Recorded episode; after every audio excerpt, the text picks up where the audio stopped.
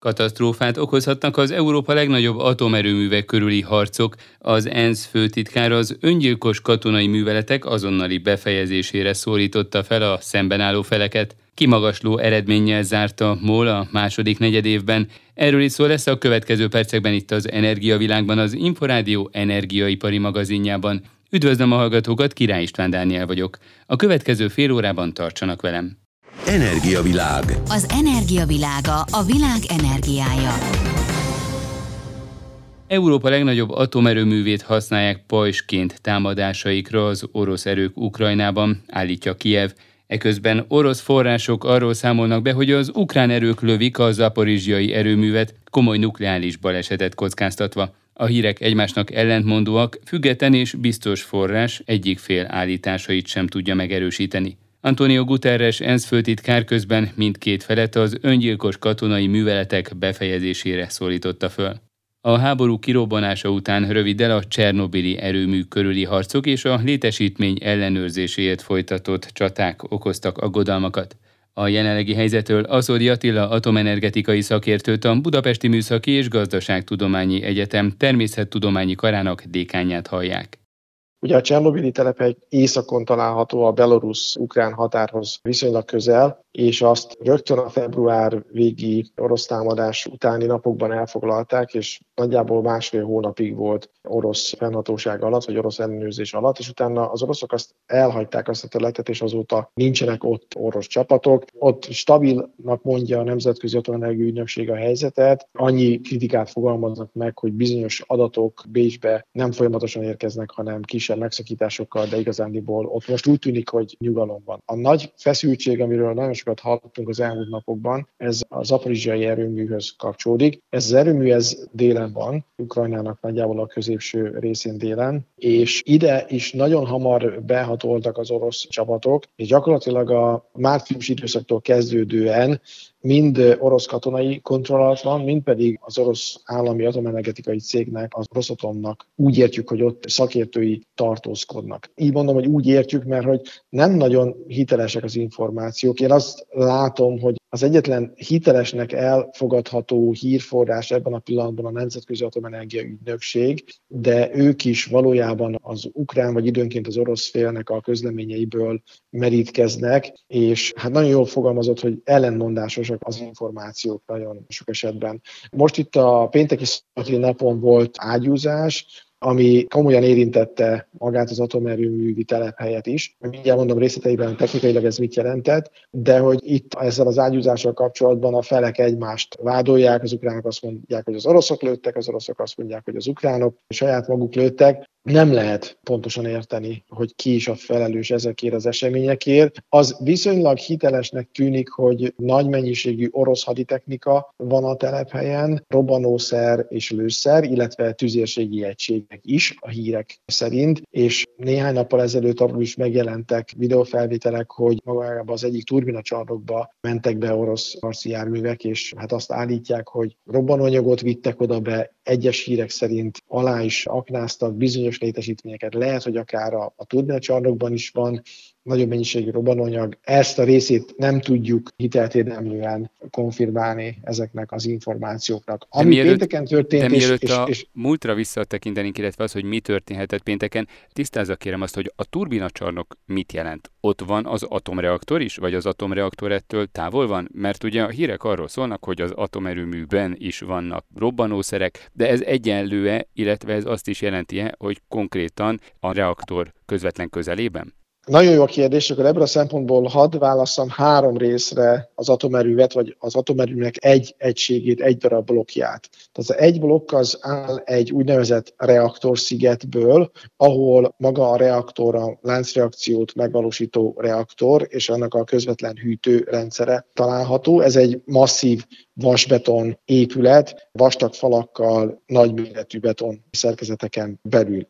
Emellett a reaktorsziget vagy reaktorépület mellett közvetlenül azzal tulajdonképpen érintkezve található a turbinacsarnok vagy a turbinasziget. Ebben vannak azok a berendezések, amelyek a reaktorban előállított hő felhasználásából villamos energiát állítanak elő. És a harmadik nagy egysége egy ilyen termelő blokknak a kisegítő rendszereknek a területe. Ezek a kisegítő rendszerek például a hűtővízrendszer, vagy biztonsági hűtővízrendszert ellátó különböző egységek, tipikusan a turbinacsarnok és a reaktorcsarnok közvetlen közelségében találhatóak. Tehát, hogyha ezt a hármas osztást alkalmazzuk, akkor amit a felvételeken lehetett látni, az azt mutatta, hogy ilyen járművek a turbinacsarnokba, tehát közvetlenül a reaktor épület mellé a turbinacsarnokba mentek be, és ebből a szempontból, hogyha most egy ilyen jelentősebb robbanásra gondolnánk, akkor hát ez nagyon-nagyon közel van a reaktorhoz, és létfontosságú rendszerek vannak a turbinacsarnokban. Tehát, hogyha ott valami komolyabb, nagyobb robbanás történne, ha ez tényleg alá lenne aknázva, és azt valaki felrobbantaná, az nagyon komoly műszaki problémákat okozna, és akár radioaktív kibocsátáshoz is vezethetne. És akkor nézzük, hogy Európa legnagyobb atomerőművében mi történt, legalábbis mit tudunk, hogy mi történt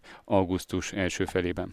A múlt hét végén úgy lehetett értesülni a hírekből, és ez igazából a Nemzetközi Atomenergia Ügynökségnek a kommunikációjában is megjelent, tehát hogy ők erre reagáltak, ők ezt hiteles információnak ítélték meg, hogy ágyúzás érte a létesítményt. Négy távvezetéki kapcsolatából kettőt elvesztett az erőmű, és ez oda vezetett, hogy az egyik blokk az teljesen le is szakadt az országos villamosenergia hálózatról, és el kellett indítani az üzemzavari dízelgenerátorokat, a biztonsági rendszereket ahhoz, hogy a blokknak a hűtését biztonságosan meg lehessen valósítani, és ezen kívül segédépületben is történt kár, az úgynevezett hidrogén üzemben történt robbanás. Úgy értjük a hírekből, hogy az egyik ilyen tüzérségi lövedék eltalálta ezt az üzemet, illetve a kéget kazettákat tároló konténerek mellett is csapódott be ilyen lövedék. Azt követően, hogy a, az orosz csapatok elfoglalták ezt a telephelyet, és akkor volt meglehetősen heves tűzváltása az orosz és az ukrán fél között, azóta ez az első olyan alkalom, hogy nagyon komoly katonai támadás éri a, a telephelyet, és hát ahogy a Nemzetközi Atomenergia Ügynökség is kommunikálta ezt egyértelműen, ezek nagyon komoly aggodalomra okot adó események. Eleve már ezeknek a csapatoknak és ezeknek a tüzérségi eszközöknek, robbanó eszközöknek nem lenne helye az atomerőműben, és ezek nagyon komoly kockázattal események, mert rossz helyre lőnek, vagy szándékosan olyan helyre lőnek, ami sebezhető pontja az erőműnek, akkor ebből nagyon komoly üzemzavar is támadhat, és hát nyilván ezek az események nagyon komolyan megosztják az üzemeltetőknek a figyelmét. Tehát ebből a szempontból is nagyon rossz ez a helyzet, hogy azok, akik felelnek a létesítmény biztonságos működtetéséért, azok nem tudják a munkájukat normálisan végezni. Nyilván pszichés nyomás alatt vannak, befolyás alatt vannak, és ez nem hatékony munkavégzéshez vezethet. Milyen biztos információi vannak a Nemzetközi Atomenergia Ügynökségnek? Milyen rendszerek küldenek automatikusan és folyamatosan információkat? Szóval mi az, amiről biztosan tudunk, vagy tudhatunk az ENSZ által? Magához az Nemzetközi Atomenergia Ügynökséghez bemennek bizonyos sugárzásmérési adatok, bemennek úgynevezett safeguards adatok, tehát a nukleáris anyagok ellenőrzéséhez kapcsolódó információk elektronikus formában bemennek a Bécsi központba, és ezen kívül van egy nagyon fontos hivatalos kommunikációs csatorna minden atomenergiát alkalmazó tagország és a Bécsi központ között, nevezetesen az adott országnak a nukleáris biztonsági hatósága áll hát levelezési kapcsolatban tulajdonképpen a Bécsi központtal, és hogyha valami történik, akkor az ő kötelességük erről tájékoztatást adni, illetve hogyha a Bécsi központból kérdeznek, akkor az ő kötelességük erre hivatalosan kormány oldaláról válaszolni. Ezzel kapcsolatban az a alapvető probléma, hogy ebben a háborús helyzetben az ukrán hatóság nyilvánvalóan nem tudja végezni zavartalanul a munkáját. Arra panaszkodtak sokszor, hogy az ellenőrök nem tudnak kimenni, vagy nem biztosított az ő személyi biztonságuk, úgyhogy ez utóbbi kommunikációs csatorna, ez sajnos nem működik tökéletesen, és tulajdonképpen emiatt, illetve az előbb elmondott műszaki nukleáris biztonsági kockázat miatt van az, hogy a Nemzetközi Atomenergia Ügynökség ahhoz ragaszkodna, hogy oda mehessen a telephelyre és meggyőződhessen egy misszió keretében arról, hogy mi is most ott a fontos helyzet, de ebben egyelőre nem talált partner a Nemzetközi Atomenergia Ügynökség, tehát mind az ukrán, mind az orosz fél eddig elutasította ezeket a a megkereséseket, és hát most már a sokadik hónapja mondja azt az ügynökség, hogy oda kéne engedni a nemzetközi szakértőket. Ez tudna valójában hiteles információt adni, minden más az sajnos a háborúban álló felek információs és dezinformációs érdekei szerint jut csak el a világhoz.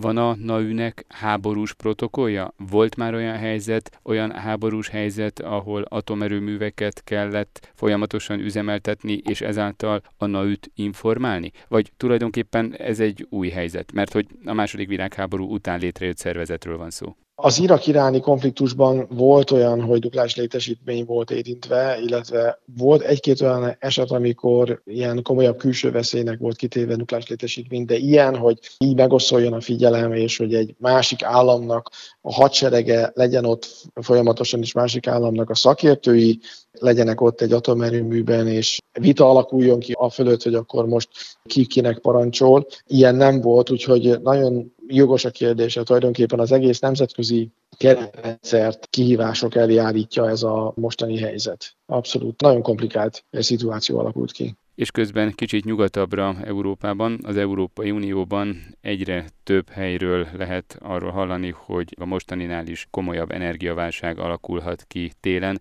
Mekkora Európa atomerőművi ellátottsága? A villamosenergia felhasználás nagyjából mekkora részét képes az 500 millió lakosú Európai Unió tagországainak köre előállítani? Az európai atomerőművek az Európai Unióban nagyjából a villamosenergiának a negyedét adják. A 27 tagországból 13-ban van atomerőmű, tehát ezek nagyon fontos szerepet játszanak, mert tulajdonképpen a mai villamosenergia rendszerben az atomerőművek az egyetlen egy zsinórtermelő technológiát képviselik, ami széndiokszid kibocsátás mentesen tud villamosenergiát előállítani. Tehát ez a közel egy negyedes arány, ez egy nagyon-nagyon fontos gerincét adja tulajdonképpen a villamosenergia szektornak, és szerintem a fő probléma ami miatt a politika is sokat foglalkozik itt az orosz-ukrán konfliktus kapcsán az energiaellátással, az az, hogy az elmúlt 15 év energiastratégiái nagyon sok országban úgy gondolták bevezetni a megújuló energiahordozókat,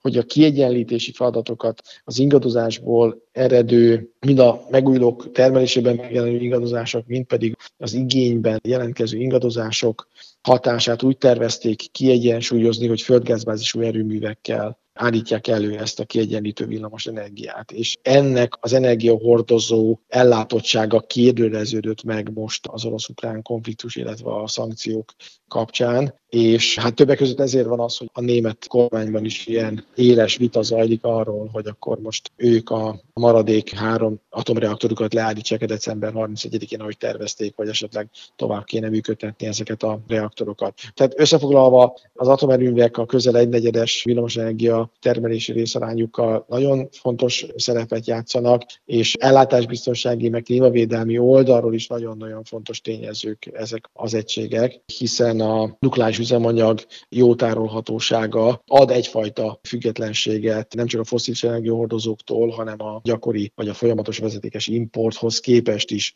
adnak függetlenséget és adnak nagyon jelentős mozgásteret. Milyen fejlesztések látszanak most a következő évekre? Atomenergiában jelentős lépést tehet az Európai Unió pár éven belül, mármint hogy ne csak a negyede, hanem akár a villamosenergia igény felét is ki tudja elégíteni atomerőművekkel. Vagy ez tulajdonképpen szinte lehetetlen, mert igencsak hosszú távú beruházásokról, igencsak hosszú folyamatról lenne szó? Abban igaza van, hogy az atomerőműveknek az építése az hosszabb időt vesz igénybe, tehát egy ilyen tipikus projekt valahol 10-12-15 évet is igénybe vett az első gondolattól az üzembe helyezésig ha megnézzük, hogy az egyes Európai Uniós tagországok mivel számoltak néhány évvel ezelőtt, akkor az energiastratégiai dokumentumokat érdemes elővenni, például a Nemzeti Energia és Klímaterveket, amit minden ország elkészített. Itt nagyon változó képet látunk. Franciaország, most említeném Nagy-Britanniát, de ugye Nagy-Britannia már nem Európai Uniós tagország, de mondjuk ha az uniós tagoknál maradunk, akkor Franciaország,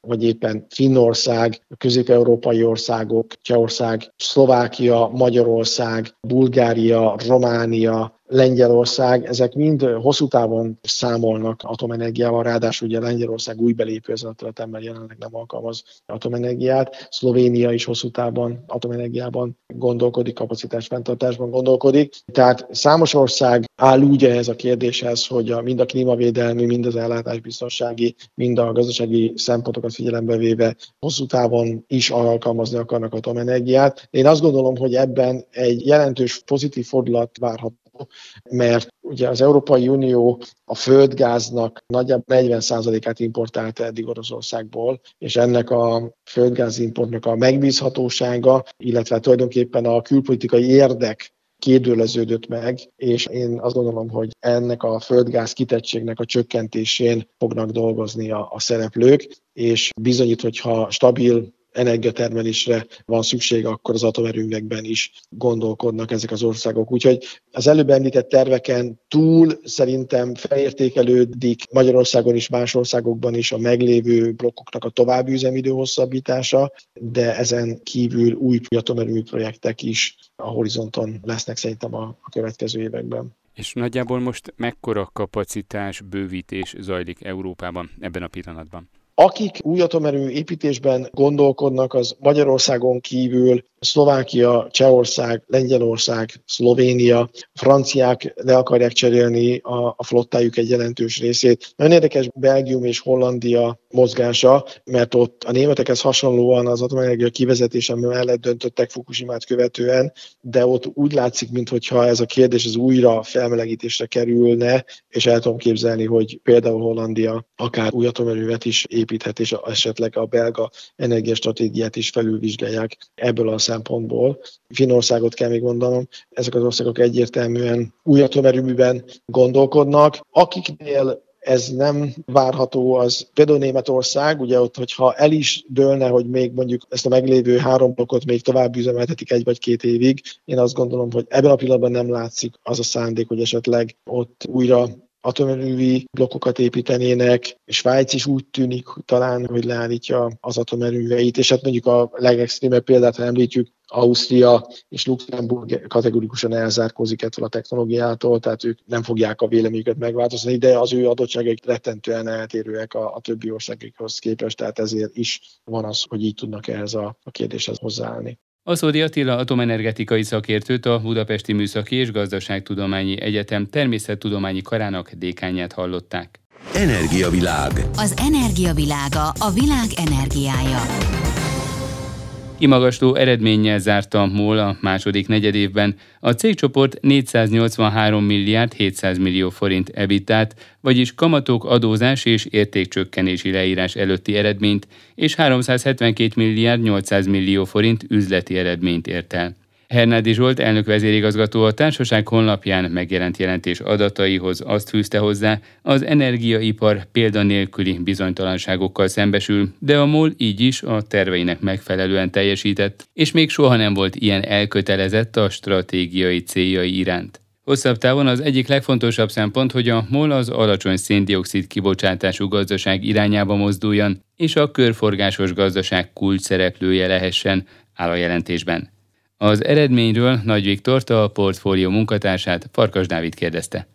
Nem sokak számára meglepetés az, ami a MOL-nál történik. Ugye a hónapok óta halljuk már ugyanazt a történetet, a MOL továbbra is hozzá tud jutni a relatíve olcsó orosz kőolajhoz, miközben a világpiac ár 30-35 dollárral följebb van, és az vektortársak gyakorlatilag kiárazódtak, illetve nem tudnak hozzájutni ehhez az olcsó termékhez. Ez az egyik lába a történetnek, a másik lába pedig az, hogy a világpiaci árak, a kőolajnak és a földgáznak az ára az rendkívül magasan áll jelenleg. És az elmúlt hónapokban is jelentősen emelkedett. Ez a két tényező együttesen okozza azt, hogy a molnak a marzsai jelentősen kitágultak, és ennek köszönhető az, hogy rekordprofitot ért el. Gyakorlatilag korábban soha nem látott számokat produkál most a MOL. A befektetők által leginkább figyelt EBITDA, az közel 500 milliárd forint lett, pontosan 484 milliárd forint. Ehhez hasonló láttunk még az elmúlt egy évtized számai alapján körülbelül háromszor akkor eredményt szállított most a MOL, mint amilyet egyébként szokott mondjuk békeidőben. A jó eredmény mellett erre a 484 milliárd körüli számra is számítottak az elemzők? Ha a várakozásokhoz képest nézzük, akkor egy hajszárnyival azért elmaradt a várakozásoktól a molnak az eredménye. Itt tényleg néhány milliárd forintról és néhány százalékról beszélünk, tehát például EBITDA, tehát a leginkább figyelt eredménysor alapján 2 százalék volt összesen az eltérés, de ez még mindig azt jelenti, hogy duplázódott a molnak az eredménye, tehát még egyszer az előző várakozásoknak nagyjából megfelelő adatoktól hajszárnyival elmaradó eredményt szállított a MOL. A hazai hatósági ár mennyiben hatott a MOL eredményére?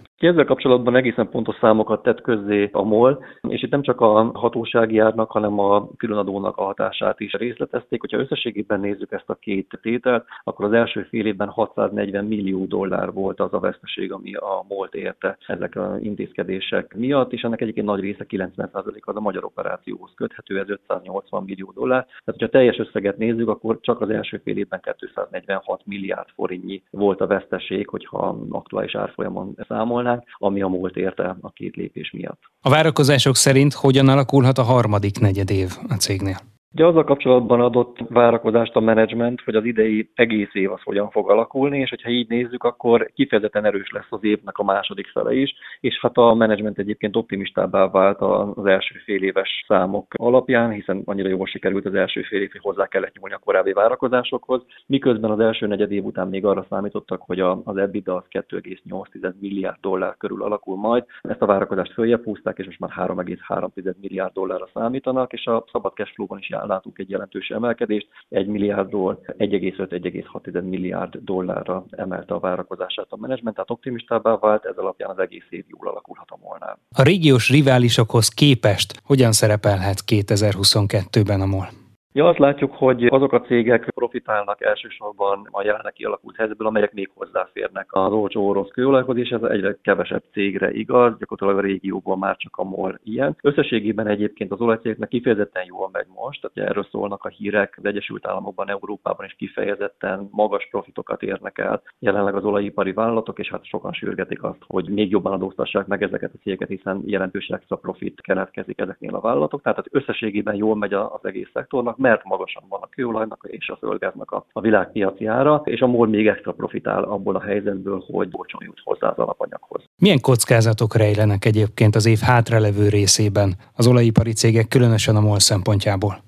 Hát egyértelműen a legnagyobb kockázat az, hogy meddig szállítanak még típusú olajat Magyarország felé, a MOL meddig tud még hozzájutni az orosz kőolajhoz. Tehát ez egyértelműen az egyik legfontosabb kockázat. Ugye a másik az az, hogy időközben hogyan alakul a molnak az adózási helyzete. Ugye azt látjuk, hogy az ástop rendszer az folyamatos átalakulásban van. A hatósági árak rendszerint több alkalommal is módosított már a kormány. Ilyenre egyébként környező országokban is sor került már, illetve kerülhet még sor. Tehát ez egy jelentős kockázat, hogy ez a helyzet hogyan alakul át. És hát azért nem szabad elfelejteni azt sem, hogy a százhalombattai olajfinomítót a MOL leállította július végével. Ugye ez egy tervezett karbantartási leállítás, és mondjuk a mostani az nagyjából egy hónapig fog csak tartani, és aztán lesz majd később még egy havi leállás. De azért látunk arra példákat, hogy ezeknek a berendezéseknek az újraindítása azért az nem problémamentes. Ugye láttuk, hogy az ÖMV-nek a Sveháti finomítójánál mi történt. Tehát most egy spekulációban nyilván nem érdemes belemenni, de azért látjuk azt, hogy ez is rejt magában kockázatokat, hogy egy finomítót leállítanak és aztán újraindítják. Középtávon milyen hatása lehet a mostani helyzetnek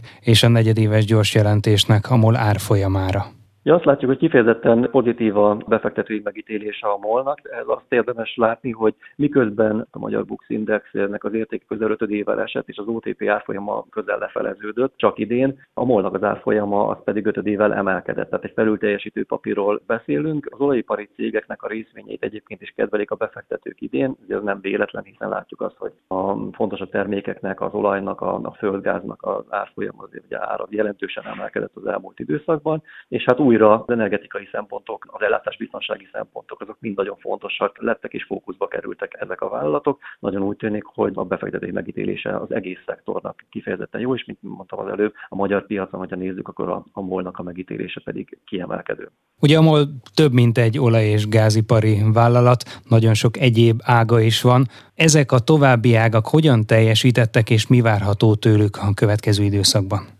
A molnak a két fontos szegmense van, az upstream és a downstream, ezek bivaj erősek voltak a negyed évben, ha az ebitát nézzük, akkor 208 és 308 milliárd forintot termeltek. Ezek olyan számok, amiket korábban még csak a közelében sem járt a vállalat, tehát hogy nem láttunk még ilyeneket. És akkor aztán van két kisebb szegmens, ez a fogyasztói szolgáltatások, illetve a gáz midstream szegmens. Ugye ezek jóval kevesebbet tesznek hozzá a csoport eredményéhez, és itt a fogyasztói szolgáltatásoknál egyértelműen az ástopoknak a hatása érvényesül. Ugye itt a volumenekkel igazából nincsen baj, tehát a molnál nem csak a magyar operációban, de egyébként például Horvátországban, Szlovákiában is nőtt az értékesítés. A problémát az az okozza, hogy hatósági árat vezettek be, és a veszteségek azok ennél a szegmásnél keletkeznek. Ha megnézzük a negyedéves eredményt, akkor az látszik, hogy a harmadára esett le az egy évvel korábbihoz képest a fogyasztói szolgáltatások szegmásnak az eredménye már csak 16,6 milliárd forint volt. Tehát miközben mondjuk voltak olyan negyedévek, amikor már majd, hogy nem összemérhető volt ennek a szegmásnak az eredménye mondjuk a két nagy évval, az upstreammal és a downstreammel. Most azt látjuk, hogy ez, ennek a hozzájárulása a teljes csoport eredményéhez gyakorlatilag eljelentéktelen, de még egyszer ez egyértelműen annak tudható be, hogy az ástapok rendszere az még életben van. Összességében van-e olyan iparág,